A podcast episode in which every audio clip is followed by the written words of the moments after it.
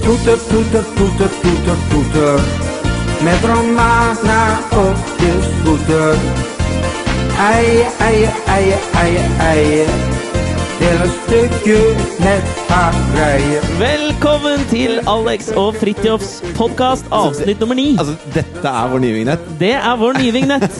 Denne låta som dere hørte nå, heter Met Romana op descute av Sanger Rinus. En nederlandsk eh, Jeg vil påstå internettsensasjon. En hit? Er det en hit? Det er en hit. Jeg anbefaler alle å gå inn på YouTube. Han har laget en video.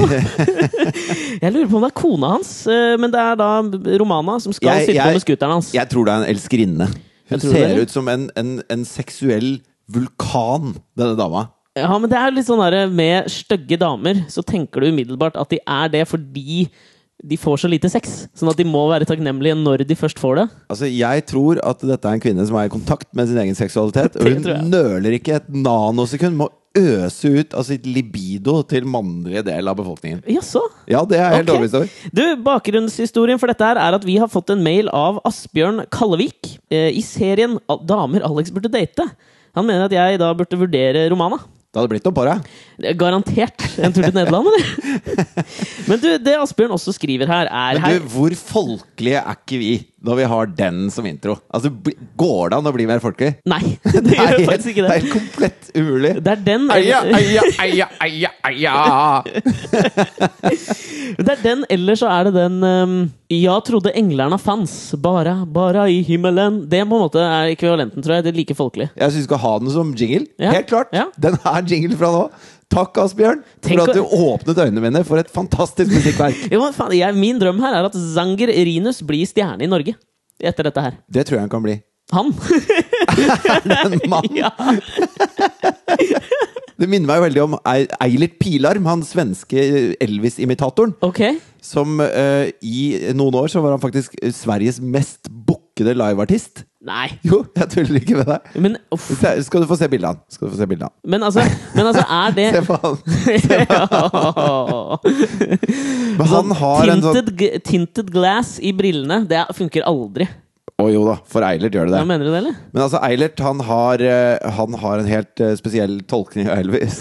Han, er, han er Jeg tror han er litt tilbakestående. Uh, og det kommer ganske tydelig fram i hans uh, forestilling. Eh, og det er virk... Vi kan høre litt Eilert Pilheim. Vi setter på litt Eilert Pilheim, da.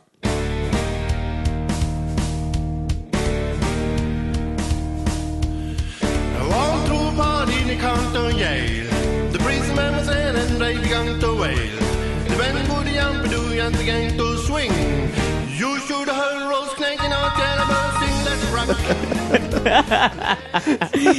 Men du! Han er jo helt fantastisk! Men altså, det er jo he Dette visste ikke jeg, men hus husker du han Geir-karakteren til Kristian Valen? Han som synger Elvis etter hukommelsen? Det er jo han! Han har jo bare rippa han der. For Eilert har holdt på i mange mange, mange år, og han er en av de best betalte underholdningsartistene i Sverige. Han er Sveriges Kristian Valen, han. Han er Sveriges Christian Valen. Han er den Kristian Valen skulle ønske han var. Han er den Kristian Valen later som han er. Og når han ikke får det til, så blar han opp AG3-en sin og plaffer løs på seg selv på speilet. Men i hvert fall, ja, da har vi altså en Eilert Pilarm-lignende intro. Ja. Takk, Asbjørn.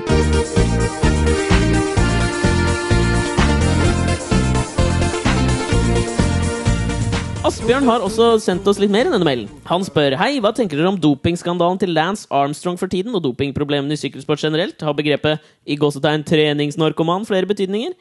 Jeg kan få lov å begynne med å si at jeg driter så langt i sykling. Ass. Jeg syns sykling er så Jo, men legg sykling til forbanna side. kjedelig. Legg sykling til side. Ta juks, da. Juks og fanteri. Hva Ja, syns du om juks og fanteri? Nei, altså, jeg ga jo min fulle støtte til Halvard Flatland her for et par podkaster siden. ja. Fått litt tilbakemeldinger. Det er det, relativt fanteri, det. Ja, det er fanteri. Men altså, det er en forskjell på Lance og, og Halvard. For Halvard eh, bruker en hel masse penger på å gjøre det sylskarpt i en konkurranse hvor han ikke vinner noe annet enn en slags sånn derre Ja, du, liksom. du er kul fyr, Ja, altså. Halvard. Fy fader, du kan så mye, du. Ja. Du kan uh, trav og dating Og dansing. Og dansing. Mens Lance, da, han bruker det jo for å tjene penger. Altså, det er, det er jo, dette er jo yrket hans, som han jukser og fanterier i. Jo, men det er jo så altså Jeg føler at det er ikke noe sånn Det er ikke noe å diskutere, på en måte. Eller det er ikke noe Jeg får ikke noe ut av det. Det er bare ikke greit. Du tar ikke doping, liksom? Punktum finale? For jeg er ikke helt sikker på om jeg er enig i det. Og du mener at doping er greit? Nei, men jeg mener Altså, hvor går skillelinja på juks, da? Hva På det om, som reglene er i den aktuelle idretten? ja, men hva syns du om han der Pistorius, da? Med, med springfjærbeina som løper i Paralympics, som hadde lyst til å konkurrere med de andre. Ja, altså, Men han tapte jo i, i Paralympics fordi han mente at hans uh, sånne ekstrabein, for å si det sånn Var i riktig lengde, mens han andre som løper, lange. Han hadde for lange. For funksjonshemmede er alt lov. I utgangspunktet så er det ikke greit å jukse. Det er dårlig gjort. Men, men det jukses jo overalt hele tiden. Men du, jeg, så, jeg så Lance Armstrong hadde en sånn uh, veldedighetsarrangement nå, hvor han snakket om dette for første gang. Så sa han sånn Jeg har hatt det verre, men jeg har også hatt det bedre. Jo, men det er, det er, jo et jævla sånn spill for galleriet med Fordi han har hatt kreft, så er liksom alt greit. Hvis Northug hadde juksa, hadde ikke vært greit. Nei, det er ikke det. Men én av tre får kreft, så da, begynner da er det mange som kan jukse. Og det tror jeg er mange som gjør. Ja, det tror jeg. Jeg så en eh, annen video på YouTube her. Og det var en sånn eh, det er- Alex har ikke noen kjæreste eller venner, skjønner du, så han er veldig god venn med YouTube om dagen. YouTube altså. jo, det var en, en standup-komiker, er et gammelt klipp, som, uh, som gikk opp på scenen, og så, og så begynte han med det. For det der som eh, Lance Armstrong eh, spiller på der, det er et sånt eh, Charles Dickens-sitat, tror jeg, fra A Tale of Two Cities, hvor den starter med it was, it was the best of times, it was the worst of times, da. Og da var det en sånn standup-komiker som gikk opp på, på scenen, og så starter han med det. Og så forteller han om da han fikk sine tre første opptredener på det som da var Johnny Carson, altså Late Show. Og folk liksom ler, og han er morsom og sånn, men så liksom bryter han hele Johnny Carson hadde Late Show før Letterman. før Letterman. Ja, Og han var jo en legende, ikke sant? selvfølgelig. Akkurat som Letterman er nå. Og det som skjer midt i på en måte standupen hans om disse tre første gangene, da, så er, liksom fletter han inn at datteren på to blir sjuk. Datteren hans på to får kreft. Og her står han på en standup-scene på en liten klubb i New York og forteller da om hele denne prosessen, hvor datteren på to år dør av kreft, mens han på kvelden skal stå på Johnny Carson og har liksom sjansen i livet, da. Og han griner og griner og griner. Det er, det er det, det er det sterkeste jeg har sett. Det er den beste standupen jeg har sett, og jeg lo to ganger. Men hvis han hadde dopa seg, han standup-komikeren, Han var dritings da han fortalte hadde du sluttet å like han da? Ja! Du hadde. Ta Gunde Svan, da, for eksempel. Han har hatt en, en sykdom som heter kvar, som jeg aldri har hørt om før. Men det er i hvert fall Det er luftsmitte, så hvem som helst kan få det. Og det er masse orienteringsløpere av en eller annen grunn som har fått kvar. Og det er et slags sånn ekstremt sånn utmattelsessyndrom. ME, liksom? Ja, men det er ikke det. Det er kvar. Men i hvert fall, så han har vært eh, Han er jo en fyr som er i god form. Og så har han vært så langt nede som det går an å komme pga. den sykdommen. Og også kona hans og dattera hans har fått kvar. Jævlig dritt. Ja, det er ordentlig dritta sykdom. Eh, Så det, det går liksom så langt at du ikke orker å knyte skolissene dine. Og så snakker han om dette i et sånt intervju i Sverige, hvor han eh, Og det er ganske alvorlig og alt mulig sånn. Og så På Malou von Sivers, eller? Ja, På Malou, ja. Ja. Malou von Sivers. Veldig koselig koselig. program for en annen målgruppe enn meg. Ja. Eh, men i hvert fall, så, eh, sånn et kvarter ute i intervjuet så stiller hun et spørsmål om, om da datteren hans, hvor han, eh, han begynner å gråte. Og det er ikke sånn derre Dette er ikke sånn 'nå søker jeg sympatigråt'. Det er, det er bare en sånn rå, vond, naken smerte. Men er det sånn bare tårerennegråt, eller er det liksom hulking og lyd i gråten? Det er ikke så mye lyd, det varer ikke så lenge, og det er ikke så mye tårer heller, men det er bare at hele ansiktet hans sånn vris oh. til det ugjenkjennelige. Og du ser han bare Han vrir hodet vekk og, og prøver å stoppe dette her. Og det, det er som et sånt damplokomotiv som bare moser ut i trynet hans. Hva gjør hun Malou da? Først så blir hun helt stille, og så sier hun ja, vi trenger ikke å snakke om dette her. Så, for hun merker at dette går jo langt over komforten. Og jeg ble så glad i Gunde Svan, da. Men du begynte ikke å grine? Jeg fikk litt sånn uh... Men så ble du så glad, sånn som du har fortalt før, at du blir så glad når du kjenner at du begynner å grine, at du begynner å le. Ja, ja, men jeg har så lyst til å gråte, og så får jeg det ikke til. så hver gang det kommer, så begynner jeg bare å bli veldig blid. Okay. Men, men det jeg skulle si, var at etter at jeg hadde sett det eh, Så hvis jeg hadde funnet ut at Gunde Svan hadde dopa seg da han var toppidrettsutøver, så hadde jeg både hata og elska han. Jeg klarer ikke helt å bare hate han. Skal jeg fortelle en siste fun fact om Gunde Svan? Ja. Når han tørker seg ut av dusjen, så har han funnet en teknikk hvor han bruker bare én bevegelse, så er hele kroppen tørr.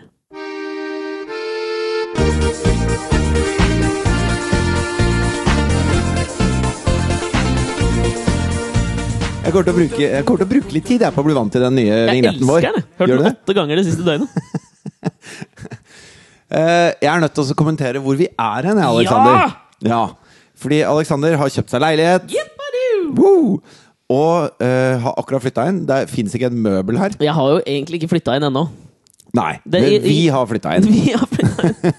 Så nå sitter vi på gulvet innpå det som skal bli hans uh, lille elskovsalkove. Mhm. Og har liksom rigga til med eplejus og eh, det lille opptaksutstyret.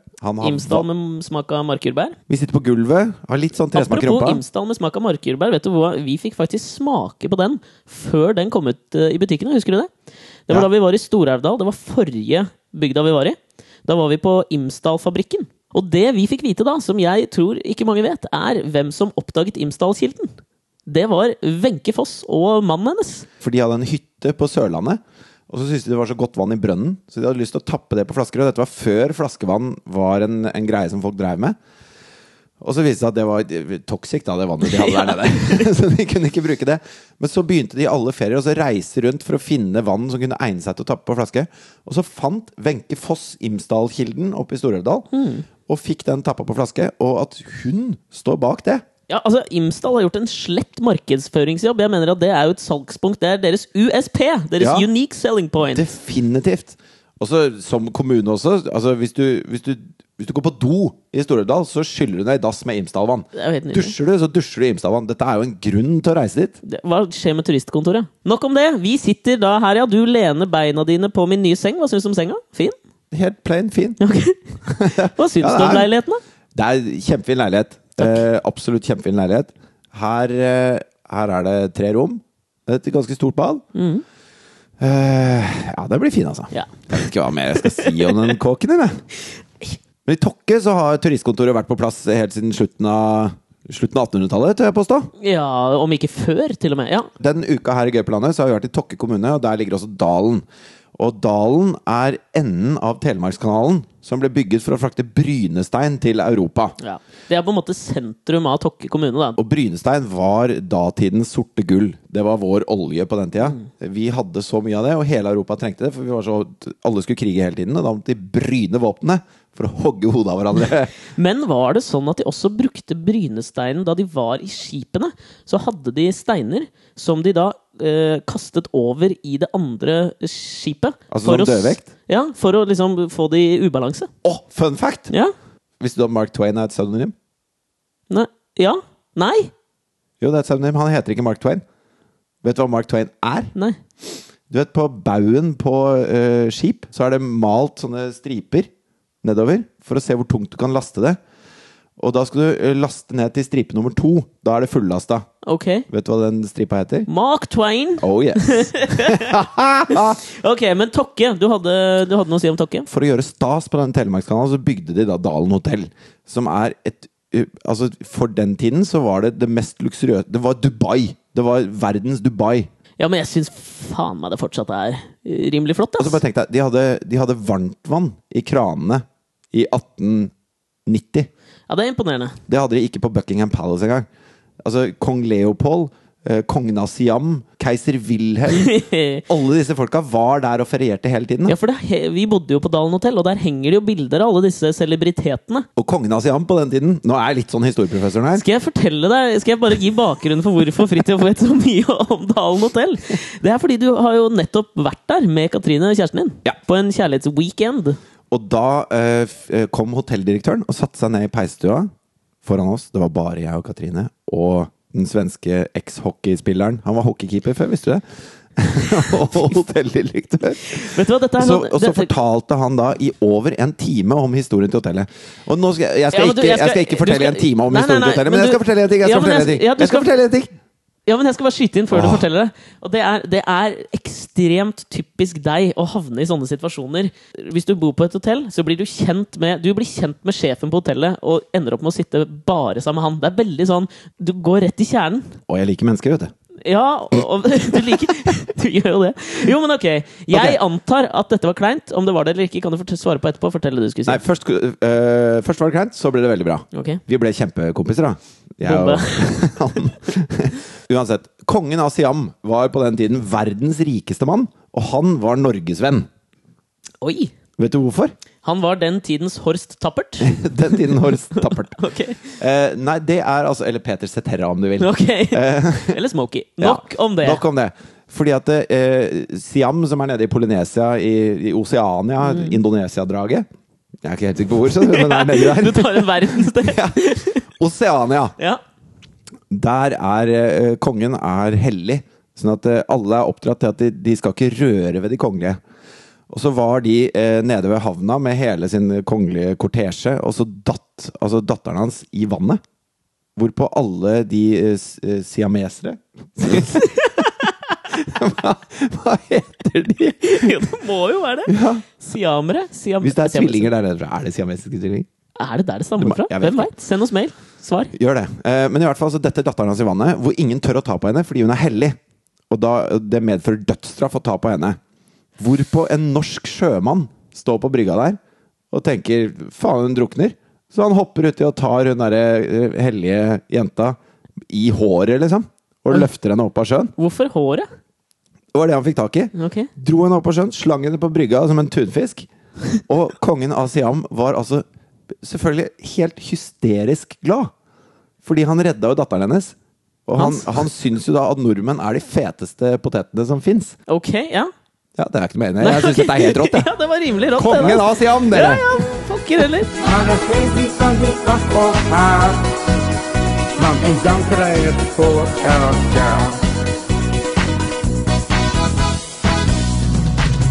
Jeg hadde jo en litt sånn pinlig opplevelse på Dalen hotell som eh, eh, Som jeg syns var litt flau. Husker du når vi eh, Vi var inne i en slags uh, bilverksted og fiskebutikk? Ja, ja, det husker jeg. Ja. ja. Hvor det var en fyr da som solgte deler til biler og, og alt mulig av maling og verktøy. ja, det var en slags Isenkram-forretning. Ja, Og så hadde han også to store fisketanker med hyse. Ja, altså, dette veit jeg ikke om vi skal si Da må vi i hvert fall ikke si hvor det er, for det er jo ikke lov. Jo, men jeg fant ut at det var lov, så lenge det ikke skulle spises. Han spiste dem jo. Jo, men det er ikke lov å si. Ok. Et eller annet sted i Tokke myndigheter så fins det en sånn fyr. Han, han, matet, han hadde Altså, det lukta så jævlig inni der, for han hadde jo altså tonn på tonn med pellets Ja, åpent som han ga til. Å, det lukter jævlig. Ja. Til denne slags uh, fisk- og verktøybutikken hans så hadde han laget to kalendere, husker Ja, du det? det husker Han hadde laget en sånn her klassisk dame-bilverkstedkalender med puppedamer. Og så hadde han laget, fordi han, hadde, han skulle ikke diskriminere, så han hadde laget en mannekalender også. Hvor det er sånne eh, For det første var forsida veldig morsom, for det var fire sånne ekstremt rippa hunks. Litt sånn! Fabio-typer. Tre! Ja, tre, og så var det én slappfisk Ja, som sto i bare overkropp og bare tenkte 'fuck my life'. Ja, han du bare så litt sånn til siden og hva faen, hvorfor trente jeg ikke litt mer? Det bare mer? oste at han hadde ikke lyst til å være der. Men, men han var sikkert sånn 'Vi trenger en til vikar, type du må komme nå'-greie. Og han var, Åh, faen.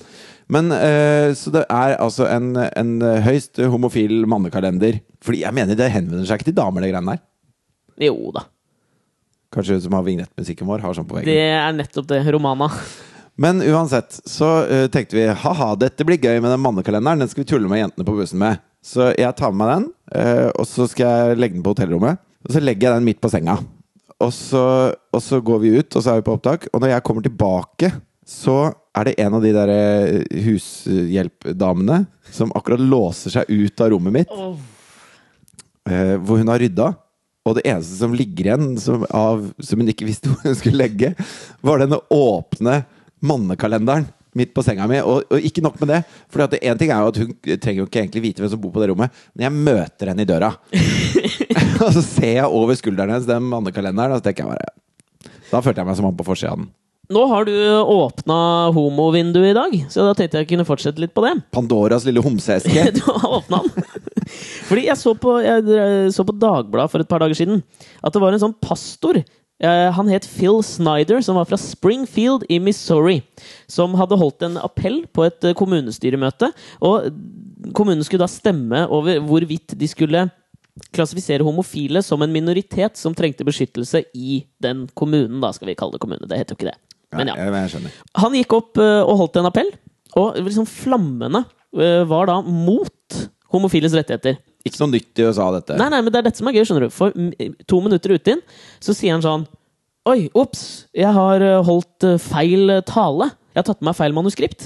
Og så forteller han jo at han har tatt en, en, en, en tale Han har bare kopiert en tale som en eller annen person har holdt på 50- eller 60-tallet, mot svartes rettigheter. Og så har han bare bytta ut ordet svarte med homofile. Og så sier han bare sånn Jeg er redd for hva samfunnet vårt er på vei til. Og dette er grunnen. Og det er vakkert. Ja, det er pent. Det er, liksom, det er smart og bra gjort, liksom. Jeg tror det beste vi kan gjøre for vår planet, og da tenker jeg miljø og, og alt, mat, alt Alle doper seg. Nei, alle, Ok. så mange homofile som overhodet mulig. Jo, ja, du mener det? Ja. Det blir ikke så mye Ja, sant! Nå skjønner jeg det. For vi har jo for mye senka folk. befolkningsvekst. Så hvis, bare, hvis, hvis to tredjedeler blir homofile sporenstreks, så er det nok mat til alle, og barna våre har det bra, og de store grønne skoger og Amazonas og Ja, det blir kjempefint, da. Det er et filantropisk prosjekt, rett og slett. Og jeg lurer på, fordi at eh, naturen har noe som heter naturens biotiske potensial. Ja. Som vil si at når du når det biotiske potensialet, altså hvor mange individer av en art eh, naturen eh, selv kan støtte opp under Tåle. Ja, tåle. Ja. Og mennesker har nådd eh, Eller vi har kanskje ikke det, fordi vi er veldig flinke til å forme naturen etter våre behov. Men vi er i hvert fall sånn rimelig godt på vei til å nå vårt eh, biotiske potensial. Og homofili har jo ikke vært så akseptert. Nei. Kanskje Nå vet jeg ikke mørketall også på homofile, men, men jeg lurer på om det fins flere nå Jo, men du, enn det gjorde før. Og kanskje det er naturens måte å stoppe oss på! jo, men du, Tror du det? Jo, du, det, du kan, det kan ligge noe i det der, skjønner du. Fordi jeg leste en eh, sånn forskningsrapport her forleden dag. Og den dreide seg om nettopp dette her. Da hadde de gjort et eh, forsøk Nettopp det at vi trenger flere homofile for å Nei, ha nok mat til homo... de fremtidige fremtidige Nei, men nettopp dette med at eh, vi har en del homofobe mennesker, og så har vi mange homofile. Ikke sant? Så det de hadde gjort en eh, test på, da, et, eh, en vitenskapelig undersøkelse på, var at de hadde samlet en, en stor forsøksgruppe, hvor de hadde, som de hadde delt i to, hvor halvparten var selverklærte homofobe mennesker, da, og mot homofiles rettigheter og alt. Og den andre halvparten var vanlige folk. Heterofile mennesker som ikke hadde noe imot homofile. Og så viste de disse menneskene ulike stimuli, altså noe som kunne opp virke opphissende for noen som hadde homofile tendenser. Og så målte de da ereksjonsnivå, generelt opphisselsesnivå på disse menneskene. Og Og så det, måler man ereksjonsnivå. du ser om du får benderen, liksom? Altså De sitter og ser på skrittet til homofober mens de ser på homseporno. Ja. Rett og slett. Det var en del av undersøkelsen. Jeg må ikke være så Ja, Jeg må bli forsker, ja, dette her er jo kjempegøy! Men det Altså, som bare, bare vise Hvis du gjør det med lesbiske, da. ja. Altså, de som er det antilesbiske. Og så skal jeg sitte med to fingre opp i ratt... Nei, ok. ja. I rattat, da! Det er ikke der det blir! Feil. Du, forresten. Avspor, nok okay. en avsporing. Eh, Thea, Nå er jeg spent, ass. ja, Thea, Thea skulle forklare oss hvordan det blir barn. Å nei. Jo, Ok. så da da eh, Hvor, eh, hvorfor skulle hun det? Nei, det, altså hun har altså, eh, Små barn er jo som sånne svamper. Mm. De suger til seg kunnskap, og så for å teste kunnskapen, så, så belærer de da sine tillitspersoner. Så hun eh, Vi satt og spiste middag, så sa hun 'Vet du hvordan man får barn?'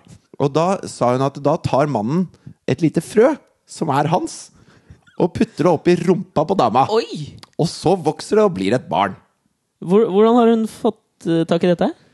Nei, Det tror jeg er en slags sånn der joint venture med den tenketanken som heter Barnehagen. ja. Det er har Civita, sittet- og så er det barnehagen. Ja, Hvor de har sittet da i klasserommet og bare Åssen funker dette her, liksom?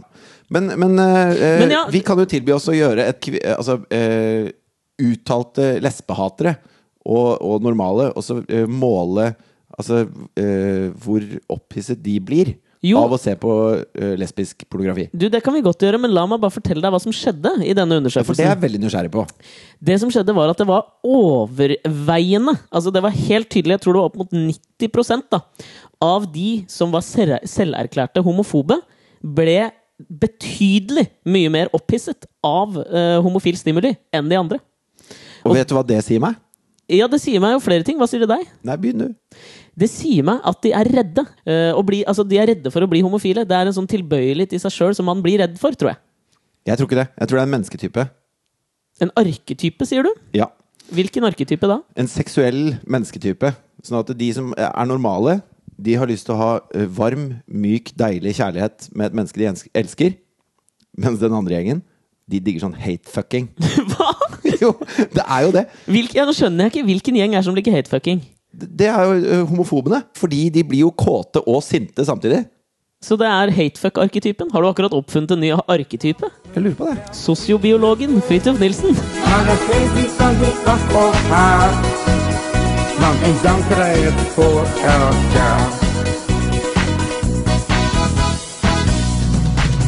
Det har jo vært en sånn stor, en stor TV-messe i Cannes. Kan. Ja, det er en slags eh, Alle tar med sine konsepter, og så kommer det TV-kanaler fra hele verden, og så, og så bys det da på de mest populære konseptene.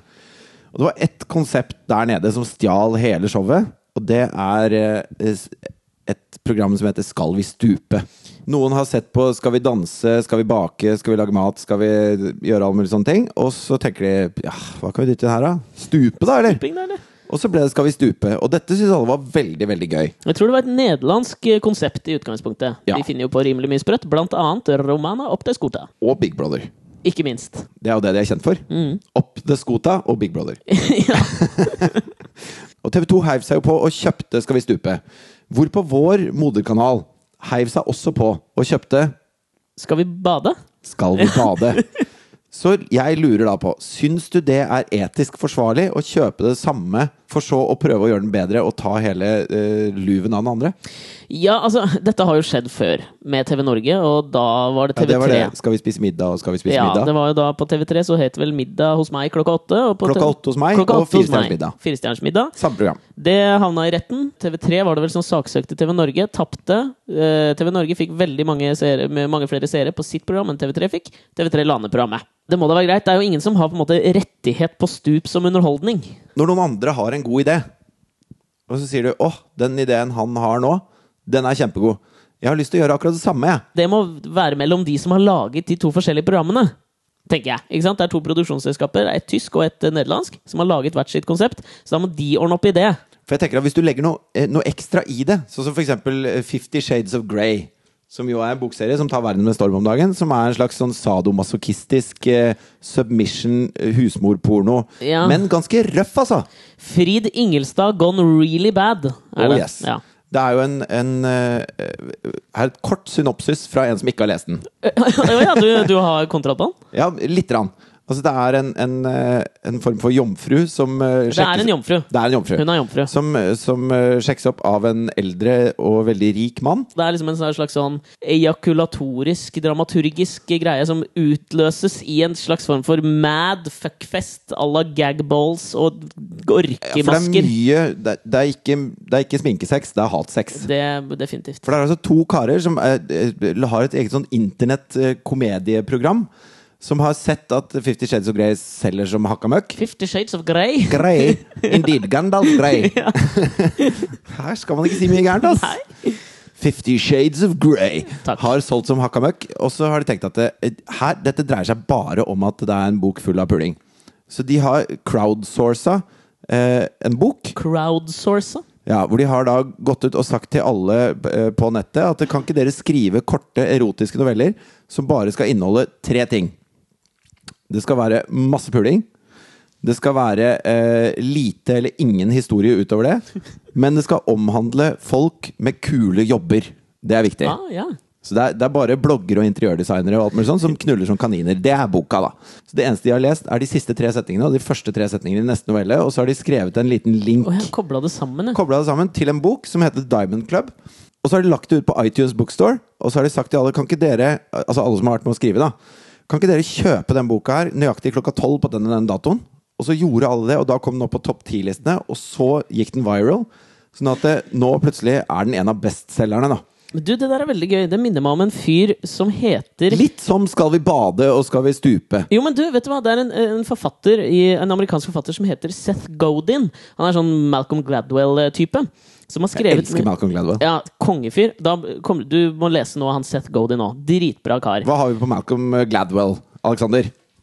Forfatter av The Tipping Point, generell smarting. Tipping point dreier seg da om eh, når eh, en trend plutselig går fra å bare ligge og lurke til å eksplodere. Og det er her Seth Godin kommer inn, skjønner du. For han har tatt den ideen litt videre. Han hadde gitt ut en del eh, bøker, og så ga, eh, ga han ut en bok som het 'Unleashing the ID Virus'. Og så ga han ut hele boka som en sånn e-bok, gratis. Eh, og så prøvde han da å treffe de menneskene som han kalte sånne knutepunkter for hvor den skulle For at den kunne distribueres videre. Og den gikk så jævlig eh, viral, da. Men det som skjedde da, var at han fikk da sånn publishing deals, altså forlagsavtaler, med 41 land. Fordi den ble så stor på nettet gjennom bare det å spre det gratis. Og så kunne han begynne å ta penger for boka. Og det som var veldig gøy, synes jeg, var at de som allerede hadde lasta ned gratis, de kjøpte den på nytt. Fordi de støtta tankene i boka. da. Det er litt det samme som vi holder på med med den podkasten her, det. Oh. Ja, fordi at vi lager jo, lager jo denne podkasten uten noe formål om å tjene noe penger på den. Ja, maser formålet etter hvert har jeg lyst til å bli rik, liksom. Jo, men ikke på podkasten. Ikke. Ikke på at du og jeg sitter på gulvet på soverommet ditt og prater piss i en time. Okay. Det blir vi ikke rike på, Alex. Det, det må vi bare se i hvitøyet. Altså. sånn. Men, men eh, vi lager den, og så legger vi den ut. Den er helt gratis, til allmenn nytelse. Og så maser vi på alle på Facebook og Twitter og you name it. Ja, omtrent sånn. Men tilbake til Skal vi danse og skal vi bade, Men da. ikke like vellykket som han fyren du snakka om. Nei, men tilbake til Skal vi danse Men og skal vi bade. det er jo mange mennesker som hører på den. Ja, det er mange. Har du negative konnotasjoner til bading og stuping? For det har jeg! Ja, du hater jo vann. Jeg hater vann! Det kunne jeg aldri vært med på. Hvilken kjendis tror du vi kommer til å se i lineupen til Skal vi danse, eller skal vi bade eller skal vi stupe? Hvis jeg får vilja mi, så er det deg, selvfølgelig. Det blir Steinjo. Ja, det gjør det helt sikkert. Nei, jeg ser for meg at uh, uh, Halvard Flatland har jo noe å bevise nå. Han må jo være med. Det blir Etter stupefadesen i Camp Senkveld, så bør jo Dorte Skappel være med. Hun har jo vært med på litt sånne ting. Hun var med på det Skal vi eh. Skal vi stå på is? Ja. Eh, Der tryna hun hun, også. hun slo seg noe innmari. Skal jeg si det er hvem som skrev den saken som kom på forsiden av VG med det? Alexander Nyhagen. Ja, det var flau, ass. Hva var overskrifta? Her går det galt for Dorte. Du har alltid vært en poet.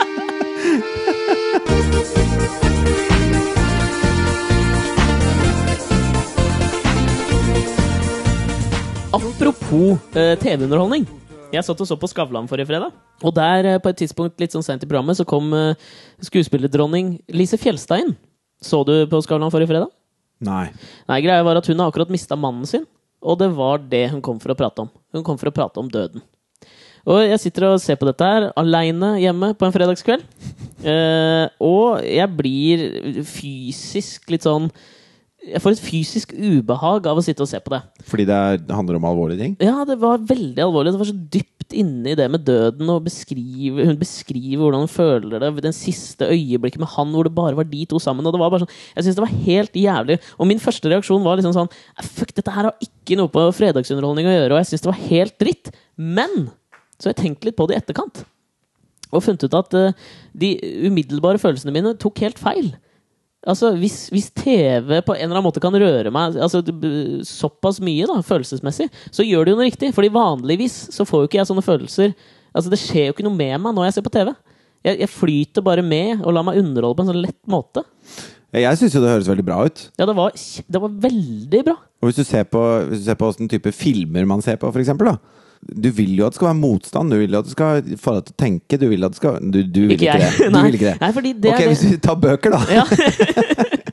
Alex elsker Altså, Sandra Bullock og Nei, ikke Sandra så fælt, altså, men Julia Roberts. Julia Yes. Roberts. Alt med, alt med Julia Roberts Ja, ja. og Richard Gere Ja, men jeg orker ikke motstand i filmatiske universet. Der vil jeg bare ha Men hvorfor ikke? Det må jo være ordentlig historie. Du liker jo dokumentarfilm. Det er jo, det er jo Jeg liker det veldig godt. Jeg tror det, har noe, vet du hva, jeg tror det har noe med at jeg har fortalt deg litt at jeg sliter med å gå på kino. Jeg syns det ro- kinorommet er så ubehagelig. Så da er liksom konnotasjonen min til film må være at det er enkelt, og at det ikke utfordrer meg på et intellektuelt plan. Har du sett den tyske versjonen av Funny Games? Altså originalen Nei. til Funny Games? Bare en kort recap av den filmen. eh, Er da en familie som er på hyttetur. Og så kommer det eh, en ungdomsgjeng som er litt sånn Clockwork Orange-type ungdommer. Og gjennom hele filmen lemlester og dreper denne familien for moro skyld. Og de bruker en del sånne virkemidler som jeg ikke har sett på film før. Jeg var jo så den så, på Klingenberg sammen med en kompis. Og eh, da er det sånn eh, Du ser familien sitter eh, litt sånn bundet i stua. Og så ser du de to gutta står der med hver sin golfkølle. Og så panner da kameraet over, så det viser bare en tom vegg. Mens du hører lydene av at de denger løs på dem med golfkølle. Blunt force. Ja, og så kommer det sånn blodsprut inn på veggen. Og du får ikke se en dritt av den volden. Og jeg ble så fysisk dårlig og så provosert Og Christian, som jeg var der sammen med, han bare 'Nå går vi'. Nå, det, dette gidder jeg faen ikke. Nå går vi, liksom. Og, Reiste dere opp og gikk ut av kinosalen? nei, vi, vi klarte å bli sittende, da. Men, eh, men vi syntes det var en helt forferdelig dårlig film. Helt til vi begynte å prate om det etterpå, og så merker jeg bare at det, dette er jo en virkelig en bra film. Fordi den har fått den har fått meg til å føle på følelser som jeg ikke visste at jeg hadde engang. Og da har du gjort noe som filmskaper. Og det tenker jeg også i et sånt talkshow-øyemed. At hvis du klarer å få deg til å sitte og tenke og føle og sette deg inn i det som er der, og sånn, da er det jo da er det jo fantastisk. Det er jo det man prøver på. Ja, det er det jeg mener. Men det tok meg litt tid å skjønne. Og så har jeg begynt å tenke litt videre på det der. eh, Og antitesen til det er jo på en måte Farmen som var nå på søndag. Hvor TV 2 hadde sendt ut pressemelding eh, til alle programbladene. Og så hadde de klart å skrive hvem som ryker ut da på søndag. Og ingen av de som jobber i disse redaksjonene, leser jo de pressemeldingene. De bare copy-paster det rett inn. Så i masse sånne programblad og sånn, så sto det jo åssen det slutta, da. Den, den som skulle være Er det noen som har fått sparken? Nei, men det var intervju med han som er pressesjef. Og han heter Iversen. Alex Iversen. Og så, og så blir det spurt eh, ja, eh, om dette her, da. Og så sier han nei, vi, vi kommenterer ikke hva som skjer i programmet. Da får man bare følge med på programmet og se hva som skjer. Ja, men hvordan, eh, hvordan skjedde dette her, da? Nei, jeg har ikke noe mer å si akkurat nå. det er jo Er det greit? Holder det, liksom? Nei, jeg syns jo ikke det. Altså, det er jo ikke det er ikke Vågå-saken her. Det er Ingen kommentar holder liksom ikke Nei. når du sjøl har sendt ut en pressemelding med en plottspoiler til hele det norske folk på det programmet som er mest sett på kanalen din, din fjols. Men for å ta det videre, etter at jeg fikk denne mm, Jeg var ikke sinna, altså. Jeg bare syntes det var jævla gøy. Ja, du er ikke sinna Du var sinna forrige uke. Forrige ikke uke var jeg sinna. Nå er jeg bare blid. Du, jeg har tenkt litt videre. Du kjenner til eh, Milgram-eksperimentet. Hvorfor skjer det så fæle Har det skjedd så fæle ting i verden? Det var jo direkte basert på hva som hadde skjedd under andre verdenskrig. Hvorfor så mange gjorde de fæle tinga, da? Og bare hørte på Hitler. Så eh, han ville teste dette her, da. Eh, han fikk inn en eh, del forsøkspersoner, og så skulle det være en som eh, styrte eksperimentet. Og så var det en som skulle være lærer, og en som skulle være da eleven, på en måte. Kort forklart så er elevene alltid en skuespiller, og så det var disse lærerne som var testpersonene. De skulle, de skulle gi da støt av forskjellig styrke til denne eleven, og så fikk de ikke se den, men de hørte da skulle liksom høre hvor vondt det gjorde, så skulle de øke og øke og øke. Og så sto det typ en professor bak dem, som de oppfatta som en professor. Mm, En myndighetsperson. Ja, Som skulle si da 'øk styrken, øk styrken'. Mm. Med noen sånne fastsatte fraser. da Og så skulle du se hvor langt de gikk før de sa stopp. Og der var det type av eh, 60 forsøkspersoner, så var det da Jeg tror det var nesten Altså det var 26 stykker som gikk hele veien opp, selv om det drepe. drepe den andre personen. Eh, altså det, de, det de fant ut der, var at det, så lenge det er det du oppfatter som en autoritetsperson som sier at du skal gjøre noe, og du føler at du ikke har eh, nødvendig kunnskap til å argumentere imot, så ender man med å gjøre det. Det er det samme som det fengselseksperimentet som ble gjort i USA, hvor halvparten av klassen var eh, fanger, og halvparten var fengselsvoktere. Og så lot de det gå over to uker. Hvor uh, det ble mer og mer sadistisk da, fra fangevokterne sin side. Det ble Abu Ghraib Ja, det ble helt drøyt. Mm. Og vet du hvem som gikk på det universitetet og var med på det eksperimentet? Nei. og senere sprengte eh, et kjøpesenter i Oklahoma. Oi! Var det Timothy McWay. Var det det, eller? Etter det der så flytta han i en liten campingvogn, og så sendte han sånne illsinte brev til CIA og FBI og alt mulig sånn om alt han syntes var faenskap i verden. Han ble helt herpa av det eksperimentet. Og så gikk han rett og slett og ble Oklahoma-bomberen. Så spørsmålet er hadde det skjedd hvis de ikke hadde gjort det eksperimentet og fucka med hjernen hans. Nå ble jeg litt nervøs for det der TV-programmet som går ut på nøyaktig det samme. Hva går det ut på? Nei, det er jo nøyaktig det samme. De tester da Greia er at i det originale eksperimentet så fikk de jo fem dollar eller noe sånt hvis de bare gjennomførte. Mens i dette eksperimentet i TV-programmet så får de vite at hvis den andre eh, holder ut det du gjør, så vinner den en million dollar. da. Er det det som heter roast? Nei, for det, det, det som er Men interessant greia, la her meg bare si da, kjapt da, at det som skjedde der, når det var en million dollar på spill, så 90% gikk hele veien ut da, for å presse den andre gjennom. psykologer som har gjennomført disse eksperimentene, har jo funnet ut at eh, mennesker gjør hva som helst hvis insentiv er det riktige. Altså massesuggesjon og autoritet og riktig insentiv, så kan mennesker gjøre hva som helst. Så derfor har de slutta å eksperimentere med mennesker på den måten, for de mener at de har funnet ut at vi kan få dem til å gjøre hva som helst. Der har TV-bransjen overtatt! vi gir faen! Vi kjører reality. Tut og kjør! Hvor dumme er disse folka? Vi putter dem i et hus. Vi putter dem på en buss, kjører dem ut på landsbygda, og ser hva som skjer.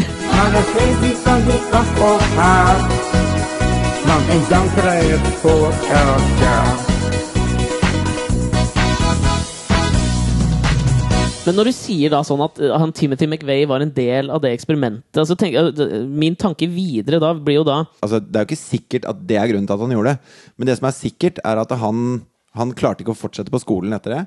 Han eh, fikk seriøse psykiske traumer av det. Og han endte med å bo i en campingvogn i villmarken aleine og var en einstøing. Og så sprengte han et kjøpesenter Ja, for fordi- å ta igjen på verden. Men når, når det skjer sånne ting ut av, ut av eksperimenter og eventuelt av TV-programmer, så jeg tenker jo det, det lukter søksmål lang fuckings vei, da. Men det tror jeg han McWay prøvde på også. Ja, det var det. Uten særlig hell. Ja, i, I Kina så var det en, et par da, som fikk, eh, som fikk barn. Altså, Mannen syntes barnet var så jævlig stygt, og at det ikke ligna på noen av foreldrene. Så han gikk til kona si og krevde å få vite hvem er faren du har vært utro. Dette barnet er for stygt til å kunne være vårt. Med noe jævlig. En gorg. Og så gir han seg ikke, da. Helt til, så hun må til slutt innrømme at hun har brukt 100 000 dollar i Sør-Korea før de møttes på plastiske operasjoner. Så det han gjør, så det han gjør da Det han gjør, er at han skiller seg fra henne, og så saksøker han henne for å ha fått han til å gifte seg med henne på falske premisser.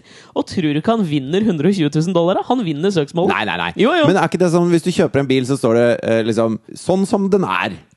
Solgt som den er, ja. Solgt som Det den er er. litt sånn som denne leiligheten vi har kjøpt her nå. Solgt som den er. Ja. Tror du noen av disse damene på bussen kunne saksøkt oss hvis det viser seg at han er stygg, at han har tatt plastiske operasjoner? Kan de saksøke? Sånn som han i Herøy som hadde tatovert eyeliner. Ja, hvis de finner ut det! Lukter det søksmål av dette? Jeg, jeg tror ikke det, altså.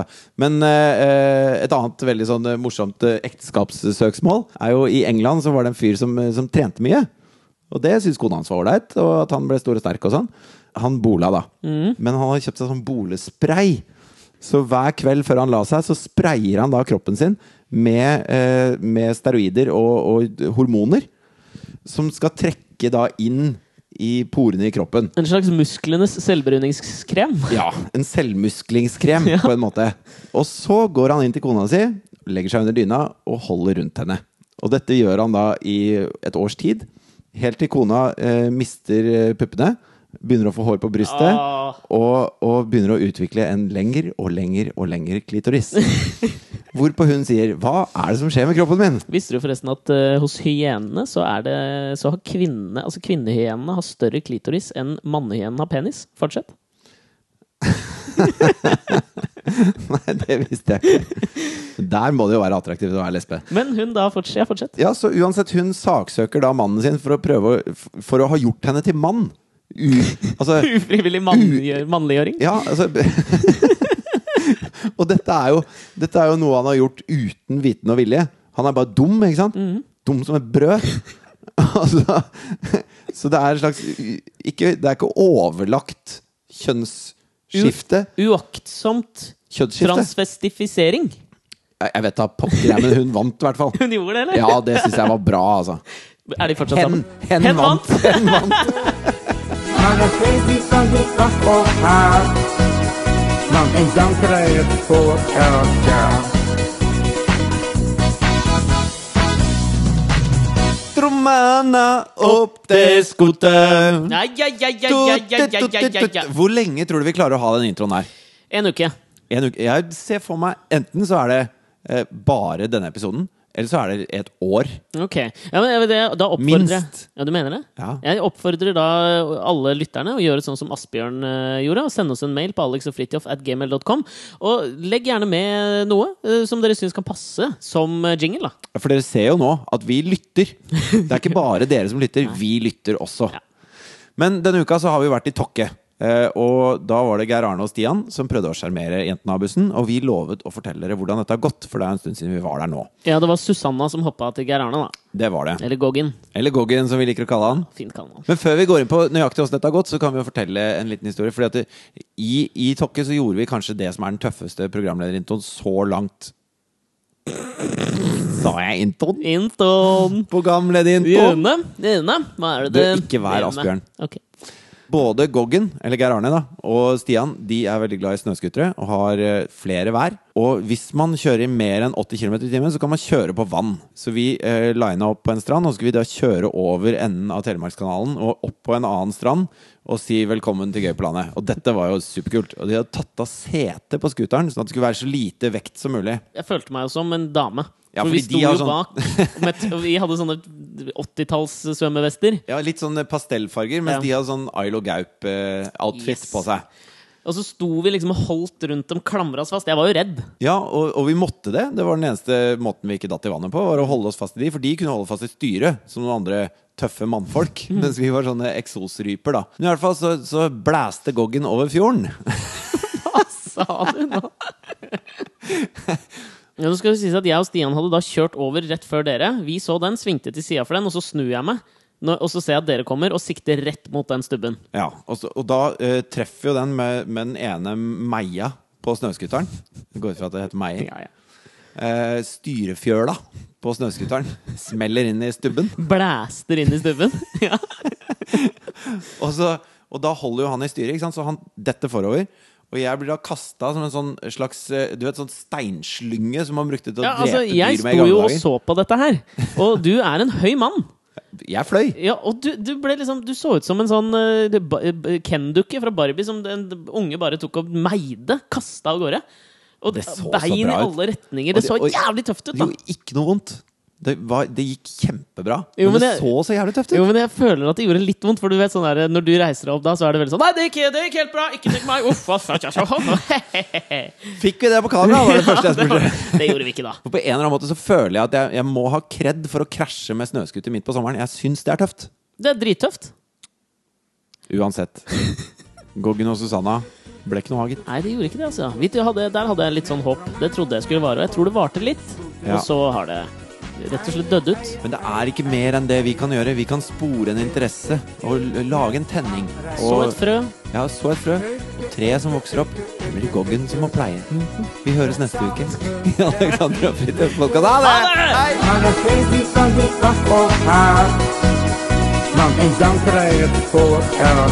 Hei!